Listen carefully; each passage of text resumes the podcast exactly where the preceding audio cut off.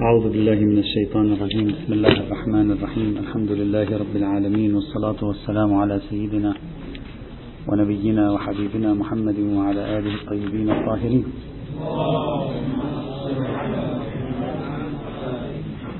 وصل من الحديث إلى القول بأن هناك اتجاهين رئيسيين في موضوع مبدأ الكرامة الإنسانية اتجاه القبول بمبدأ الكرامة الإنسانية واتجاه الرفض وأنه لا يوجد عندنا قاعدة الكرام كرامة الإنسان بما هو إنسان.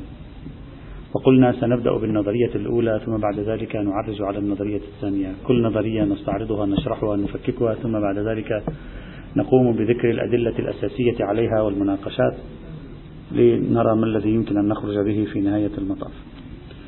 الاتجاه الأول أو النظرية الأولى أسميه اتجاه تأصيل مبدأ الكرامة الإنسانية. يقصد بهذا الاتجاه القول بأن هناك قاعدة عامة أو أصلا مرجعيا. الآن سنفرق ما بين القاعدة العامة والأصل المرجعي. هناك قاعدة عامة في الشريعة أو أصلا مرجعيا اسمه اسمه كرامة الإنسان. وأن الفقه الإسلامي يرجع إلى هذه القاعدة أو يعتمد على هذا الأصل في كل الموارد التي يواجهها في التعامل مع غير المسلمين فضلا عن المسلمين أيضا. لكن كيف يمكننا أن نتصور آلية البحث في هذا الموضوع؟ هذه النقطة مهمة جدا لأنها تكشف عن أن بعض الباحثين وقع في أخطاء متعددة في هذا الموضوع. يمكن تصور شكلين لدراسة مبدأ الكرامة الإنسانية. إذا أنا أؤمن بمبدأ الكرامة الإنسانية في الشرع الإسلامي فهناك شكلين لكيفية الوصول إلى هذا الناتج أو إلى هذه النتيجة. الشكل الأول وهو الانطلاق من الأعلى نحو الأسفل والشكل الثاني الانطلاق من الأسفل نحو الأعلى. سأشرح هذين الشكلين بشكل واضح إن شاء الله. في الشكل الأول للوصول إلى هذا المبدأ أن أقوم بالاستناد إلى نصوص عامة أو إلى مفاهيم أساسية موجودة في الكتاب موجودة في السنة موجودة في أدلة الشريعة. وهذه المفاهيم أو هذه النصوص تخبرني وتنبئني أن هناك قاعدة عامة في الشريعة اسمها قاعدة الكرامة الإنسانية وأن الإنسان مكرم من حيث هو إنسان ولا يسلب هذا التكريم إلا بفعل جرمي بمعنى من معاني الفعل الجرمي. أو مثلا نقول يوجد عندنا أصل مرجعي بمعنى عندنا نص يقول لي كل مورد يشك في أنه يكرم فيه هذا الإنسان أو لا يكرم فالأصل هو التكريم حتى يأتي دليل على نفي التكريم. هذا نسميه أصل مرجعي يعني عند الشك نرجع إليه ونؤول إليه. هذا الشكل هو مسير من الأعلى إلى الأسفل. أنا أتي بقواعد أو أتي بأدلة عامة كلية وهذه القواعد هي تخبرني بوجود مبدأ الكرامة الإنسانية ثم أنزل نزولا إلى أطراف الشريعة وأقول هنا وهنا وهنا وهنا إلى آخره. هذا واضح. ضمن هذا الشكل يمكنني أن أتصور أنني أصلت المبدأ وهذا ما لم يلتفت إليه كثيرون. أصلت مبدأ الكرامة الإنسانية وأثبتت بآية القرآنية أن الكرامة الإنسانية للإنسان ثابتة. لكن قد أواجه في بعض الأحيان نصا يخرق هذا القانون. كل قانون قابل للخرق هنا ليست قوانين عقلية صارمة لا تقبل التخصيص الآن. كل قانون قابل للخرق. أنا الآن أصلت المبدأ الذي هو عبارة عن أن الإنسان بما هو إنسان مكرم في الشريعة الآن هذا مبدأ اعتبارها يعني جعلي قانونها حقوقي. الإنسان بما هو إنسان في شرعي وفي ديني مكرم. وجاء نص يخرق هذا القانون. كيف أتعامل مع النص الذي يخرق القانون الذي استفدته من الأعلى؟ يعني بدليل عام. أمامي خيارين وعلي أن أحدد موقفي أي من هذين الخيارين علي أن أختار. الخيار الأول. أن أفترض أو أعتبر أو أفهم الدليل الدال على تأسيس هذه القاعدة على أنه آب عن التخصيص. بحيث يقول الإنسان أنا أفهم من قوله تعالى ولقد كرمنا بني آدم أنه نص آب عن التخصيص. لا يقبل التخصيص. متمنع عن التخصيص. إذا كان الأمر كذلك فما هو الحل؟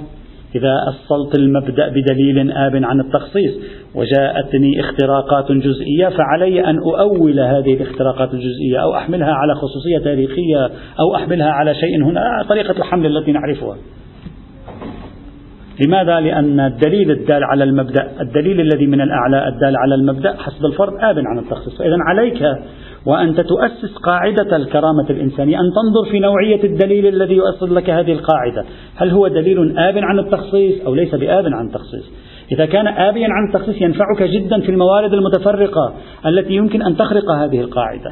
وإذا لم يكن آبيا عن التخصيص لا تستطيع أن تفعل شيئا عليك أن تقبل التخصيص حينئذ. هذا الخيار الأول. الخيار الثاني. أن نقبل بهذه القاعدة نقول الدليل الذي جاء من الأعلى يؤسس مبدأ الكرامة الإنسانية لكنه ليس بسلخ دليل آب عن التخصيص. يقبل مثل أي قاعدة في الشرع تقبل التخصيص.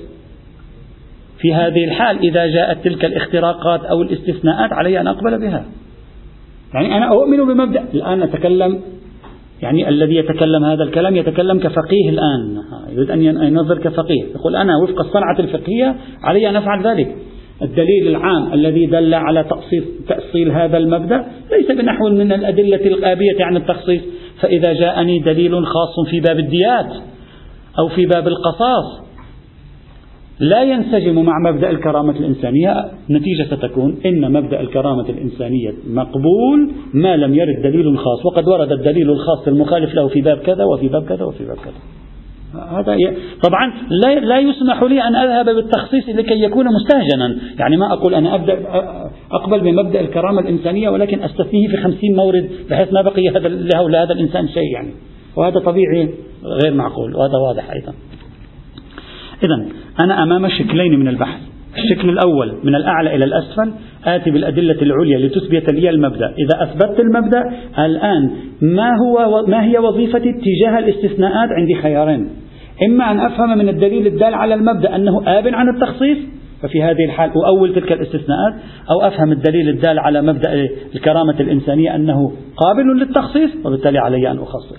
وتكون النتيجة اعترافا بالمبدأ مع اختراقه بعدة موارد. هذا هو الذي ينبغي أن يكون. وبناء عليه يمكن أن نؤاخذ بعض الباحثين في هذا الموضوع أنهم تصوروا أنني بمجرد أن أثبت المبدأ خلاص. مد أبو حنيفة رجلاه كما يقال. أو, أو, أو رجليه. كما, كما في المثل يعني المعروف. لا ليس إذا أنت أثبتت مبدأ الكرامة الإنسانية يعني خلاص انتهينا فقد أثبتنا.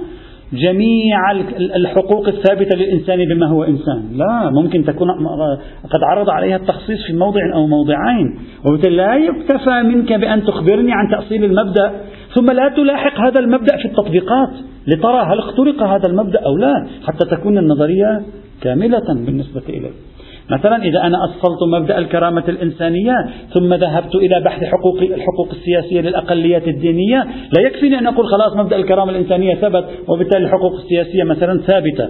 وإنما علي أن أذهب إلى النصوص الخاصة الواردة في الحقوق الأقليات لأرى هل هذه النصوص الخاصة في مورد هنا أو مورد هناك يمكنها أن تخرق المبدأ القانوني الذي جعلته الشريعة أو لا يمكنها؟ وبالتالي لا ينتهي البحث هنا. حتى لو أثبت هنا مبدأ الكرامة الإنسانية علي أن أكمل الطريق إلى الموارد المختلفة في الفقه.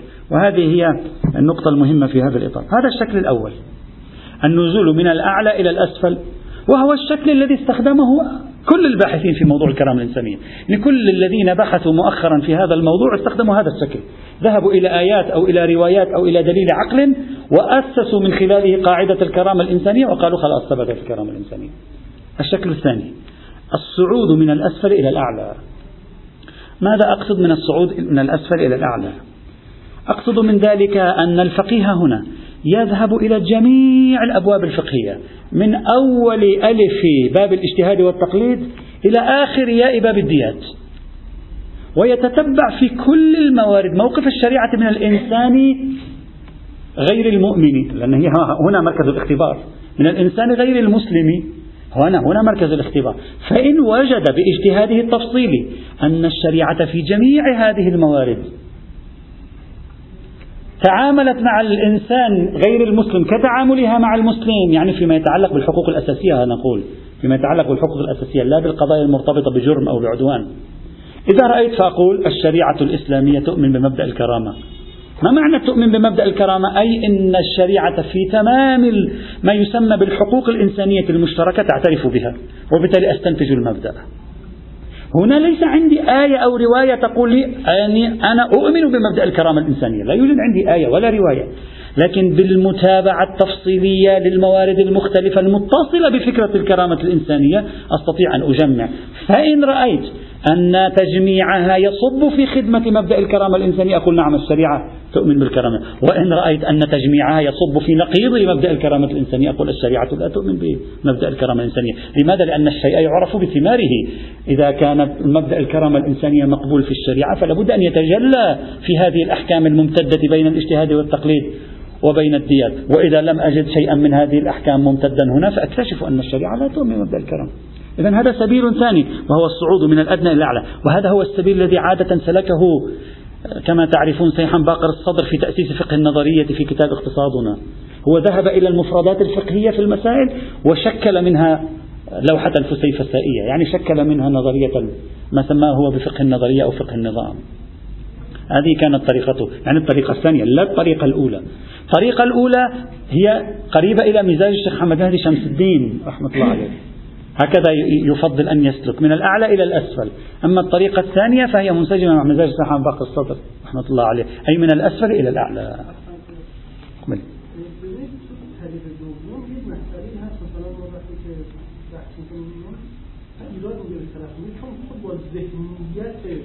کرامت ذاتی نرفتی این اصول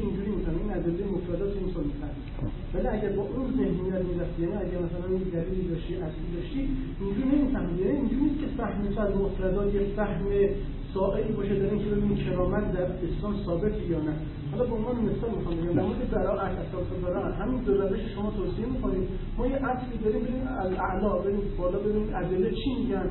بعد مثلا اینو ببینیم حالا آبی از تخصیص هست یا اینکه بیان بریم مورد مورد نگاه کنیم. اون جاهایی که شریعت مثلا نسبت به حکمی طرف مشکوک بوده آمده پیش هرزا مثلا مورد مورد بگیم آقا گفته دیگه سوال نکن اشکال نداره. هم بگم این شما اینجوری یعنی در همه اصولی که میتونه مثلا تصویر بشه در شریعت تفسیرش میکنید. أنا لم أقل يمكن هنا. أنا قلت نظريا كيف يتصور أن يبحث هذا البحث؟ أنا لم أقل إذا ذهبنا الآن إلى المفردات سوف نخرج بقاعدة الكرامة الإنسانية أو بقاعدة عدم الكرامة. لكن عندما أذهب إلى المفردات ليس في ذهني مفروض مسبق اسمه الكرامة الإنسانية وليس في ذهني مفروض مسبق مسلم اسمه عدم الكرامة. أنا أبحث في المفردات منفصلة. فقه المسألة. هنا أبحث في فقه المسألة. أبحث في تساوي الديات بين المسلم والكافر. أبحث في موضوع تساوي القصاص بين المسلم والكافر. أبحث في موضوع الجهاد الابتدائي. أبحث في موضوع الغيبة. هذه أبحثها كمسائل فقهية. فلما انتهيت من رحلة البحث الشاقة هذه الطويلة رأيت صدفة أن نتائج بحثي كلها تصب في تكريس مبدأ الكلام. فأقول مقتضى فهمي للشريعة أنها آه، تعطي الحقوق التي تريدها يريدها مبدأ الكرامة الإنسانية هذا هو. في الشكل لا لا لا لا. الشكل الثاني أفترض فيه أنه لا يوجد نصوص عليا. الشكل الأول أفترض فيه. يعني أنا أبحث في الشكلين معا. هذا هذا هذا مسير وذاك مسير آخر.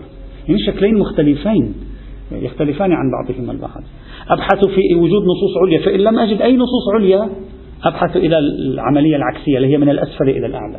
هكذا مقصود يعني. طيب ومعنى ذلك إذا في الشكل الثاني أتتبع المفردات الفقهية في التعامل مع الآخر وأنظر فيها. إذا كانت النتيجة منها صدفة صادفت أنها تكرس مبدأ الكرامة فأقول الشريعة يبدو في الأعم الأغلب تميل إلى كرام. إذا وجدت بالعكس أقول الشريعة في الأعم الأغلب يبدو أنها لا تميل إلى مبدأ اسمه الكرامة الإنسانية وهذا طبيعي آه، حينئذ. جيد بناء عليه. بلي؟ لا ما تتعارض النتيجتان لا قلنا قبل قليل شيخنا. قلنا إذا كانت القاعدة الموجودة في الأعلى قد أثبتها بدليل فكيف أتعامل مع المخصص؟ وهذا الذي قلت قبل هذا معنى تعارض النتيجتين. حينئذ إذا كان المخصص كثيرا فأنا هنا في هذه الحال أشك في أصلا دلالة النص العام ربما أحيانا. قد تكون تواتر الروايات في الموارد المتعددة يناقض دلالة آية لقد كرمنا بني آدم وبالتالي يمكن يشككني يعيد النظر. أما إذا موارد محدودة فإذا كانت الآية آبية عن التخصيص أؤولها. لم تكن آبية عن التخصيص أخصصها. هذا الذي أردنا أن نقول. لكن الطريق الثاني للوصول إلى النظرية طريق شاق. تعرف أوله ولا تعرف آخره. عليك أن تتتبع ربما أحيانا 20 30 40 مسألة في الفقه الإسلامي تتصل بهذه الموضوعات وكلها تقوم ببحثها. يلا تصل إلى أن الإسلام يؤمن بالكرامة أو لا يؤمن بالكرامة. الطريق الثاني للوصول إلى تأصيل القاعدة أو الأصل المرجعي ساق الطريق الأول أسهل. ولذلك كل الباحثين في هذا الموضوع لم يسلك أحد منهم الطريق الثاني. أصلا لم يقتربوا إطلاقا من التفاصيل وإنما جاءوا بنصوص وأدلة عقلية ونقلية لتؤصل القاعدة فقط ولم ينزلوا القاعدة إلى التفاصيل ليروا ما هي الأحوال في التفاصيل إطلاقا. لكن النتيجة التي يخرج بها الباحث في الشكل الثاني يمكن أن يكون لها مردودان. هذه منهجة البحث بالنسبة لي مهمة جدا. يمكن يكون لها مردودان مردود متيقن ومردود مشكوك. أنا ذهبت إلى المفردات الفقهية في جميع الأبواب. نفرض أنها خمسين مفردة فقهية تتبعت خمسة وثلاثين أربعين واحدة. المردود المتيقن أن الشريعة يبدو عليها في الأعم الأغلب تأخذ بمبدأ الكرامة الإنسانية يعني احتماليات أخذها بمبدأ الكرامة الإنسانية قوية هذا مردود متيقن. لكن المردود المشكوك ما هو؟ هذا مهم جدا. إذا أنا تتبعت من أصل خمسين مورد أربعين موردا. ورأيت في الأربعين مورد الشريعة تؤمن بمبدأ الكرامة الإنسانية. فإذا كنت فإذا إذا كنت أؤمن بحجية الاستقراء على الطريقة الشاطبية سيكون هذا الاستقراء للأعم الأغلب من الموارد مؤسسا لقاعدة. وبالتالي هذه القاعدة عندما أقارنها بالموارد القليلة المتبقية فأرى هل هي تقبل التخصيص أو لا. إن قلت لا تقبل التخصيص أؤول الموارد الباقية. وهذا ما كان يفعله الشاطبي. يعني أنت الآن بالاستقراء الجزئي للموارد عندما تصل إلى عنوان الأعم الأغلب تتولد عندك القاعدة. إذا كنت تؤمن بالاستقراء الشاطبي إذا كنت تؤمن به يمكن تقول أنا لا أؤمن من لما تتولد قاعدة. إذا كنت تؤمن بطريقة الشاطبي في الاستقراء لما تصل إلى رتبة الأعم الأغلب تتولد عندك قاعدة. فإذا كانت سائر الموارد على وفق القاعدة زاد اليقين بها. وإن كانت سائر الموارد على عكس القاعدة تعاملنا معه كما تعاملنا قبل قليل مع الدليل العام. فإن رأيت القاعدة لا تقبل التخصيص تؤول. وإن رأيتها تقبل التخصيص لا تؤول. يعني على نفس هذه وأما إذا لم تكن من الأصل تؤمن بحجية الاستقراء في تأصيل قاعدة وحينئذ الموارد الأخرى عليك أن تكمل السير فيها ويمكن الالتزام بها بلا حاجة بل بلا مجوز لتأويلها على الإطلاق. بناء عليه المنهج الصحيح للبحث إما النزول من الأعلى إلى الأسفل أو الصعود من الأسفل إلى الأعلى في المورد الأول نؤصل القاعدة ثم نبحث عن ما يخترقها. فإن قلنا القاعدة المؤصلة لا تقبل التخصيص أولنا التفصيلات. وإن قلنا أن تقبل التخصيص خصصناها. وأما في الطريق الثاني نصعد من الأسفل إلى الأعلى بتتبع الموارد الجزئية. فإن كنا نؤمن بحجية الاستقراء في تكوين قاعدة أصلنا قاعدة حتى قبل أن ننتهي. وبالتالي يكون ما تبقى ممكن أن يكون قابلا لأن يكون مخصصا وقد لا يكون قابلا لأن يكون مخصصا. وإن لم نؤمن بحجية الاستقراء على الطريقة الشاطبية لا علينا أن نكمل. وبالتالي هذا المورد يقبل هذا المورد مثلا لا يكون مبدأ الكرامة الإنسانية مقبولا فيه. هذا هو منهجة البحث في هذا الإطار. ولكن الذين بحثوا في هذا الموضوع لم يبحثوا الشكل الثاني أبدا هذا أولا. وفي الشكل الأول لم يدخلوا في التفاصيل. طبعا في في في مثل مضروب عادة. يقولون والشيطان يكمن في التفاصيل لا نريد أن نستخدم هذا المثل هنا لأن التفاصيل هي النصوص الشرعية. لكن الأمثلة تضرب ولا تقاس. أحيانا كثيرة يغرنا أن نؤصل قاعدة ونعرضها على الناس أننا أصلنا قاعدة.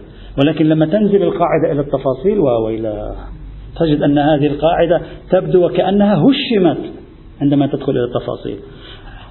الآخر المسلم هو أخ لنا في الدين. هو أخونا هو حبيبنا هو عزيزنا هو كذا كله. إنما المؤمنون إخوة والمؤمنون أصلحوا بين أخويكم. والقواعد العامة تؤصل. لكن لما تنزل القاعدة العامة إلى إلى عالم التفاصيل يجوز غيبته يجوز لعنه ويجوز بهتانه ويكره مثلا بعض الزواج منه ولا يكون قاضيا ولا يكون له وظيفة في الدولة ولا يكون كذا ولا يكون وكل هذه تسلية ثم تقول وأخي ومثلي مثله ولا فرق فيما. هنا مركز التحدي ما بين تأصيل القاعدة وبين الدخول بالقاعدة إلى مرحلة التفاصيل.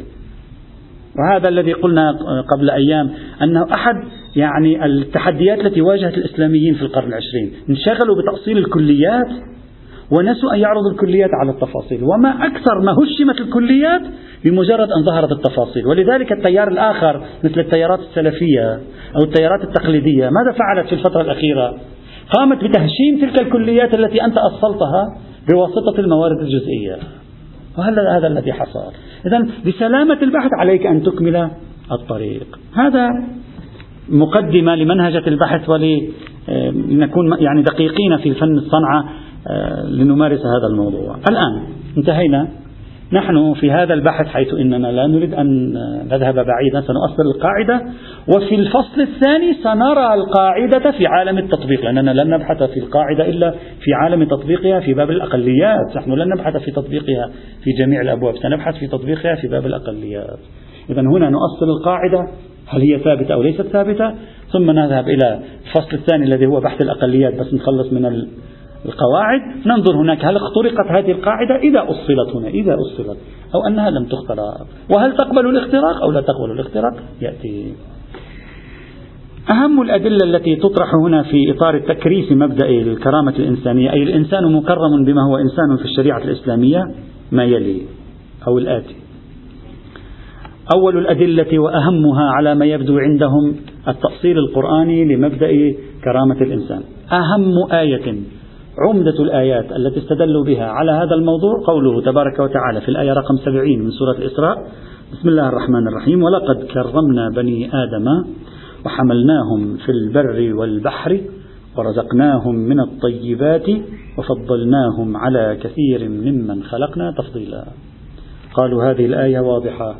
الله يعلن أنه كرم بني آدم فبنو آدم مكرمون وبنو آدم عنوان لكل الخلق لا يخرج الإنسان عن الآدمية بالإيمان أو بالكفر ولا يخرج عن الآدمية بالغنى أو بالفقر ولا يخرج عن الآدمية بحسن الخلق أو بسوء الخلق. هذه لا علاقة لها بالآدمية. الآدمية كلمة مفهومة يعني هذا الجنس البشري وكلنا مشتركون في هذه الجنس البشري. نظير لك في الخلق يعني في نوعية الخلق الإنساني فالآية تامة الدلالة وقطعية الصدور ولا نقاش فيها وبالتالي تكرس مبدأ الكرامة الإنسانية.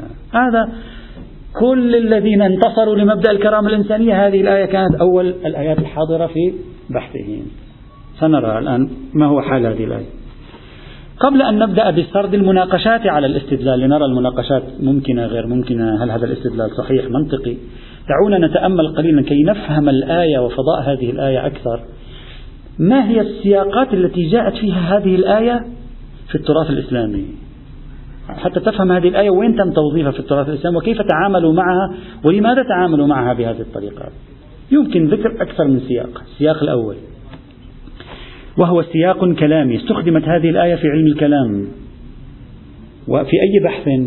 عادة تجدها في علم الكلام في بحث تفضيل الأنبياء على الملائكة أو تفضيل الملائكة على الأنبياء. هناك في علم الكلام يستخدمون هذه الآية. ما علاقة هذه الآية بتفضيل الأنبياء على الملائكة أو تفضيل الملائكة على الأنبياء.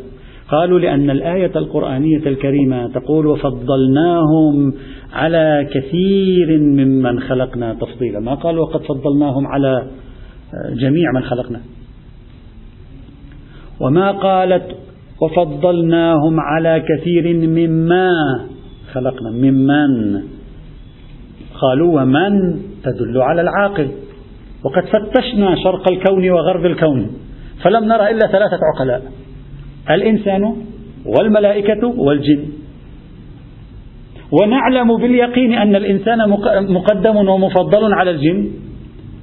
فنكتشف أن الآية تقول إن الإنسان ليس مفضلا على الملائكة.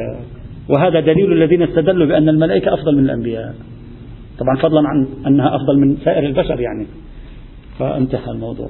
ووقعت هنا معركة وصنف السيد المرتضى رسالة مستقلة وخاض فيها حوارا منشور جزء من حواراته في رسائله رسائل السيد المرتضى. آه، شريف المرتضى في ثلاث مجلدات. منشور أيضا رسائله ناقش وقال لهم لا كثير ممن خلقنا تفضيلا لا تدل على ذلك. نقاشات لغوية وإلى آخره. وهذا بحث كلامي لا يعنينا هنا بل لا يتصل ببحثنا. لماذا؟ لأنه يتصل بذيل الآية وفضلناهم على كثير ممن خلقنا. ونحن استدلالنا أين؟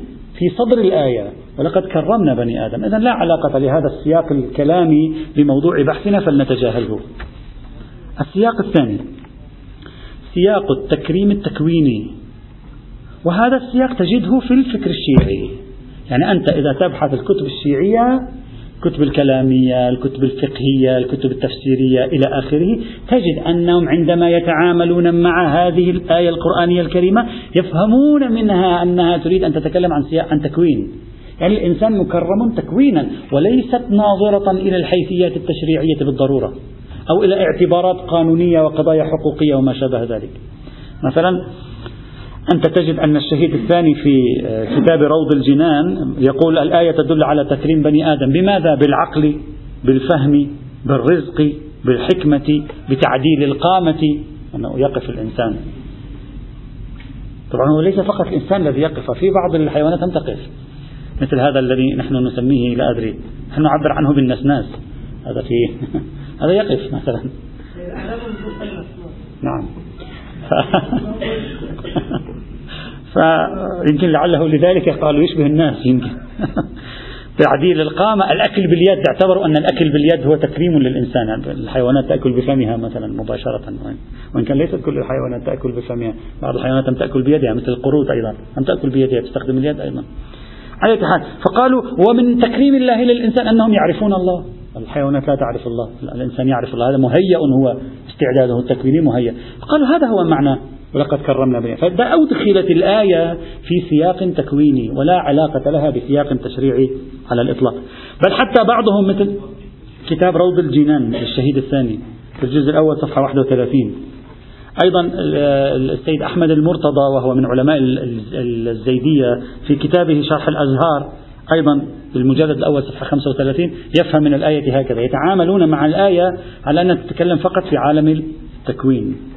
بل حتى المجلسي الأول رحمة الله تعالى عليه في كتابه روضة المتقين آه، قال من مظاهر تكريم الإنسان الذي تدل عليه الآية أن الإنسان كرم بأن كان فيه الأنبياء والأوصياء. يعني الإنسان مكرم بأنه منه كان أنبياء ومنه كان أوصياء مثلا. وجود الأنبياء والأوصياء في المجتمعات الإنسانية تكريم للإنسان أيضا. فإذا فهموا التكريم على أنه تكويني محض. أو حتى مثلا بعض المعاصرين شيخ محسن غرويان يقول الإنسان مكرم لماذا؟ لأنه مفطور على الإيمان. الإنسان مفطور على الإيمان بالله مفطور على الوحدانية حتى يكون أبواه هما اللذان يهودانه وينصرانه ويمجسانه هذا أيضا تكويني. أقول أقول الآن لا نريد أن نحكم بعدين سنناقش سنفقه. لعل للروايات الواردة في مصادرنا دورا في تكريس هذا الفهم للآية القرآنية الكريمة. يعني هذا الفهم الذي تلقاه العلماء الشيعة في الغالب من هذه الآية على أنه فهم تكويني ربما تأثروا فيه أحيانا من الروايات. فإنك لو راجعت الروايات الواردة في المصادر الشيعية في تفسير هذه الآية القرآنية الكريمة وهي روايات قليلة جدا يعني ثلاث أربع روايات فقط ليست كثيرة تجدها تركز على التكريم التكويني للإنسان وتفسر الآية على أن المراد منها التكريم التكويني. أقول لعل العلماء في أحد العناصر التي ساهمت في فهمهم التكريم التكويني هو دخول بعض الروايات على الخط. مثلا على سبيل المثال رواية تحف العقول وهي مرسلة عن الإمام الهادي عليه السلام يقول كمال الخلق للإنسان وكمال الحواس وثبات العقل والتمييز وإطلاق اللسان بالنطق وذلك قول الله ولقد كرمنا بني آدم إلى آخره. إذن الآية الرواية تشرح الآية تقول أين هو قول الله؟ ما معنى قول الله؟ هو أننا حواسنا كاملة عقلنا ثابت قادرون على التمييز لساننا ينطق. هذه كلها هي عبارة عن قوله تبارك وتعالى ولقد كرمنا بني آدم. ثم تقول الرواية تقول فقد أخبر عز وجل عن تفضيله بني آدم على سائر خلقه من البهائم والسباع ودواب البحر والطير وكل ذي حركة إلى آخره. إذن واضح الرواية جلية. مثلا في بعض الأخبار الواردة في كتاب أمال الشيخ الطوسي خبر زيد بن علي عن أبيه عليه السلام في قوله تعالى ولقد كرمنا بني آدم يقول فضلنا بني آدم على سائر الخلق. المقارنة دائما مع سائر المخلوقات يعني تفضيل بينك وبين المخلوقات لا أن هناك خصوص ما معلوم أن تكون الخصوصية خصوصية تشريعية والأوضح من ذلك خبر التفسير المنسوب إلى علي بن إبراهيم القمي والموجود الآن أيضا في طبعة تفسير أبي حمزة الثمالي برواية مسندة عن أبي حمزة الثمالي عن أبي جعفر عليه السلام قال معلقا على هذه الآية القرآنية. يقول في شرح هذه الآية يقول يقول إن الله لا يكرم روح كافر.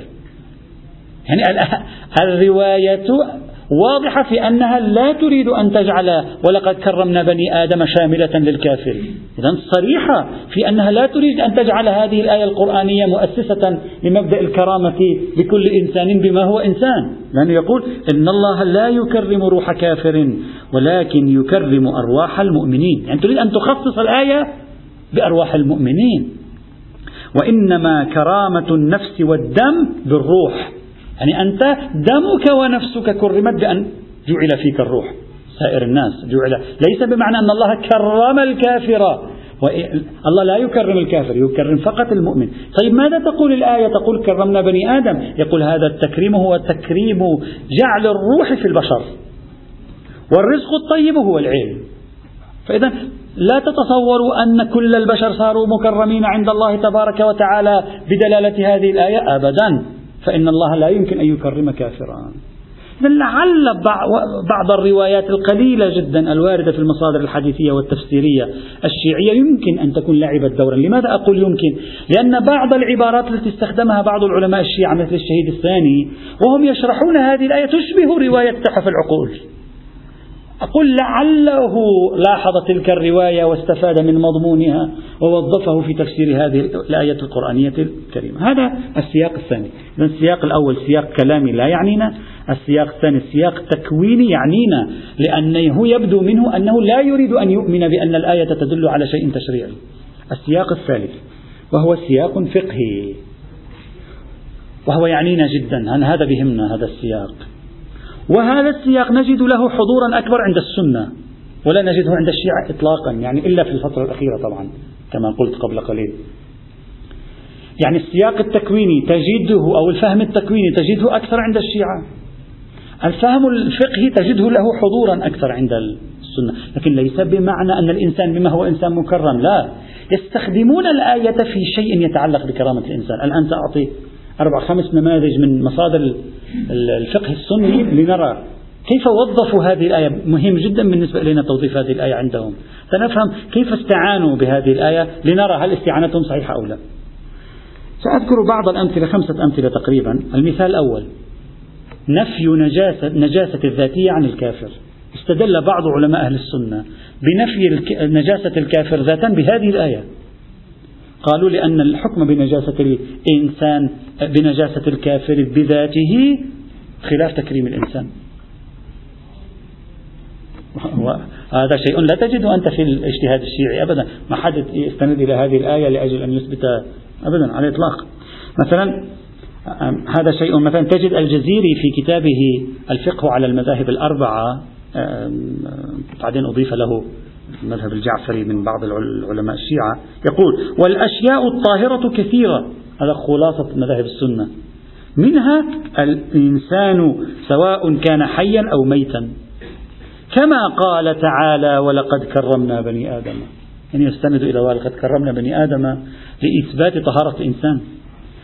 وأما قوله تعالى هو يستدرك يقول أما قوله تعالى إنما المشركون نجس فالمراد به النجاسة المعنوية التي حكم بها الشارع وليس المراد أن ذات المشرك نجسة كنجاسة الخنزير. طبعا السيد الخوئي يوافق على الجزء الثاني من هذا الكلام أن كلمة إنما المشركون نجس لا تدل على نجاسة المشرك بل تدل على النجاسة المعنوية.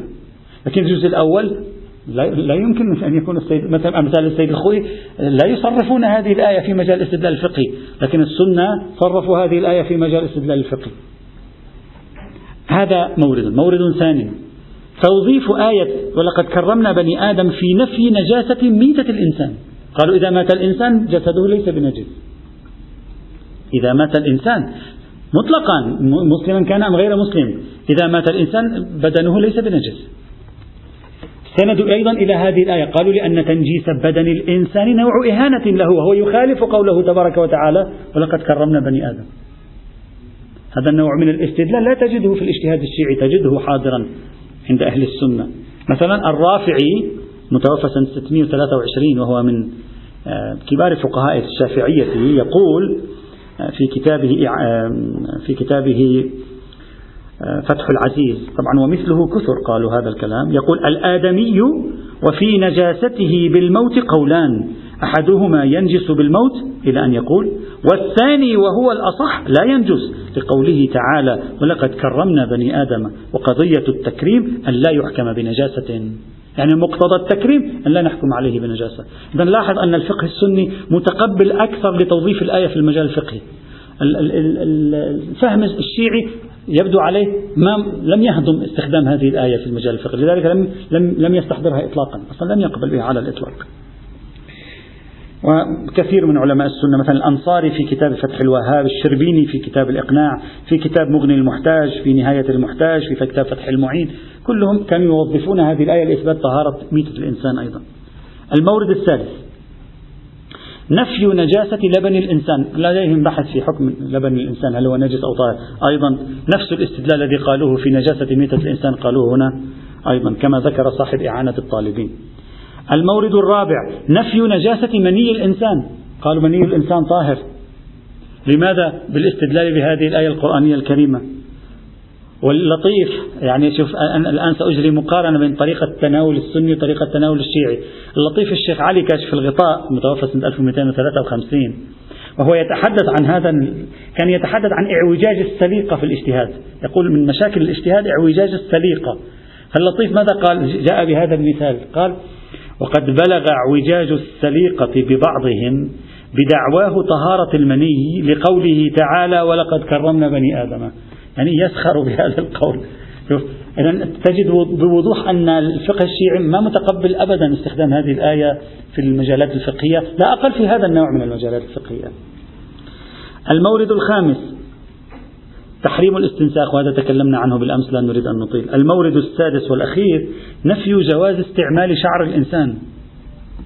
قالوا لا يجوز استعمال شعر الإنسان استخدم شعر الإنسان في استعمالات هذا لا يجوز. لماذا قال رغم أنه طاهر لكنه مخالف للآية القرآنية الكريمة وبالتالي آه، يكون إهانة للإنسان. يبدو في ذلك الزمان كان إهانة اليوم ما أدري. مثلا البهوتي وهو أحد فقهاء الحنابلة متوفى 1051 للهجرة يقول ولا يجوز استعمال شعر الآدمي مع الحكم بطهارته. ليش؟ لحرمته أي احترامه. قال تعالى ولقد كرمنا بني آدم. مش بس شعره. يقول وكذا عظمه وسائر أجزائه. إلى آخره. إذا ملحوظ إلى الآن أننا في الجانب الكلامي نرى توظيفا لهذه الآية بحسب ذيلها وهو خارج عن موضوع بحثنا. عندما نأتي إلى المشهد الشيعي والمشهد السني نرى المشهد الشيعي غالبا يوظف هذه الآية في الإطار التكويني لا يفهم منها أبدا غير الإطار التكويني. تعسعفه في ذلك الروايات ونجد الفضاء السني يستخدم هذه الآية في إطار تشريعي لكن أبدا لا تجد الفضاء السني يستخدم هذه الآية في تأصيل قاعدة أبدا فقط هذه الموارد. يعني أنت مهما بحثت إلا عند المتأخرين إلا عند المعاصرين سأترك المعاصرين. يعني أنت مهما بحثت وفتشت ما تجد هذه الآية في حتى في كتابات السنة تؤصل لقاعدة أصلا ما في. غالبا تستخدم في هذا النوع من الموارد. شعر الآدمي مني الآدمي ميتة الآدمي أصل طهارة الآدمي لبن الآدمي يعني قضية الآدمي و... يعني شيء يتصل بجسد الآدمي في الغالب ما لاحظوا شيئا آخر يتصل بشيء من معنوية الآدمي يعني الجانب المعنوي الحقوقي للآدمي أصلا ما نظروا إليه.